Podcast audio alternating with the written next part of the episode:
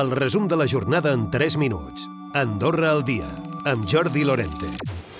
Ja ha començat oficialment la temporada d'esquí. És cert que amb només 90 quilòmetres esquiables, però les sensacions són bones malgrat les circumstàncies de la poca neu. Aquest dimarts ha estat el pas de la casa, això sí, també amb una pista, però amb força esquiadors que volien fer aquestes primeres baixades. Tot i l'endarreriment de l'obertura de pistes, des de Gran Valira estan satisfets de les condicions de la neu i de les previsions que tenen en vista aquest pont de la Puríssima. N'ha parlat el seu director general, Juan Ramon Moreno. Les expectatives són que tot anirà millor, perquè eh, s'espera una nevadeta, ja diria que molt maca, a, de cara al, al cap de setmana, que esperem que arribi, i, i nosaltres, gràcies a les temperatures que vam tenir els, els últims dies, la veritat és que hem, podi, hem, hem pogut produir uh, i, i els canons, eh, els, els nivadors són d'última generació i estan produint una qualitat de neu, jo diria que fantàstica.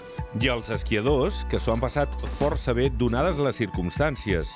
Perfecto, hay solamente esta pista de momento, pero veníamos para arrancar la temporada, perfecto, vamos calentando motores. La verdad que está bastante bien para lo poco que ha nevado. La veritat que molt bé i la neu a ratos se nota com una mica la part així marró, en plan que està com a més dura i costa una mica més d'esquiar, però només a trossets, hi ha trossos que estan molt, molt bé. Al principi hi ha una mica de turullo de molta gent, però perquè la gent no té por, però després superbé. Home, a veure, és el primer dia. Han obert una pista, es pot baixar i no esperem gaire més.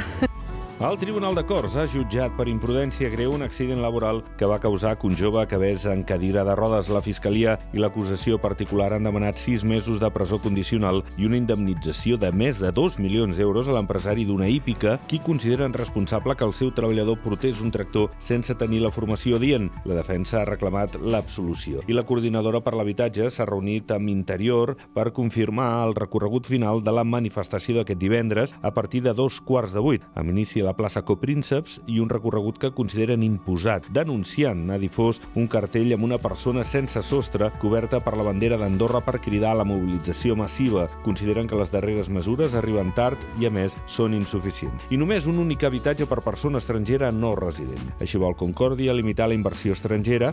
El PS, de la seva banda, proposa gravar encara més les adquisicions forànies. I la Carta dels Funcionaris del Comú de Sant Julià de Lòria continua portant cua. L'Associació de Treballadors vol esgotar la via del diàleg abans de portar a la batllia les seves reclamacions. També ha volgut dir-hi la seva, desperta l'Aurèdia, que entén el malestar dels funcionaris i critica Josep Majoral, el cònsul, per acusar l'oposició d'electoralisme. Creu que el que s'ha de fer és treballar per solucionar el problema. Recupera el resum de la jornada cada dia a AndorraDifusió.d i a les plataformes de podcast.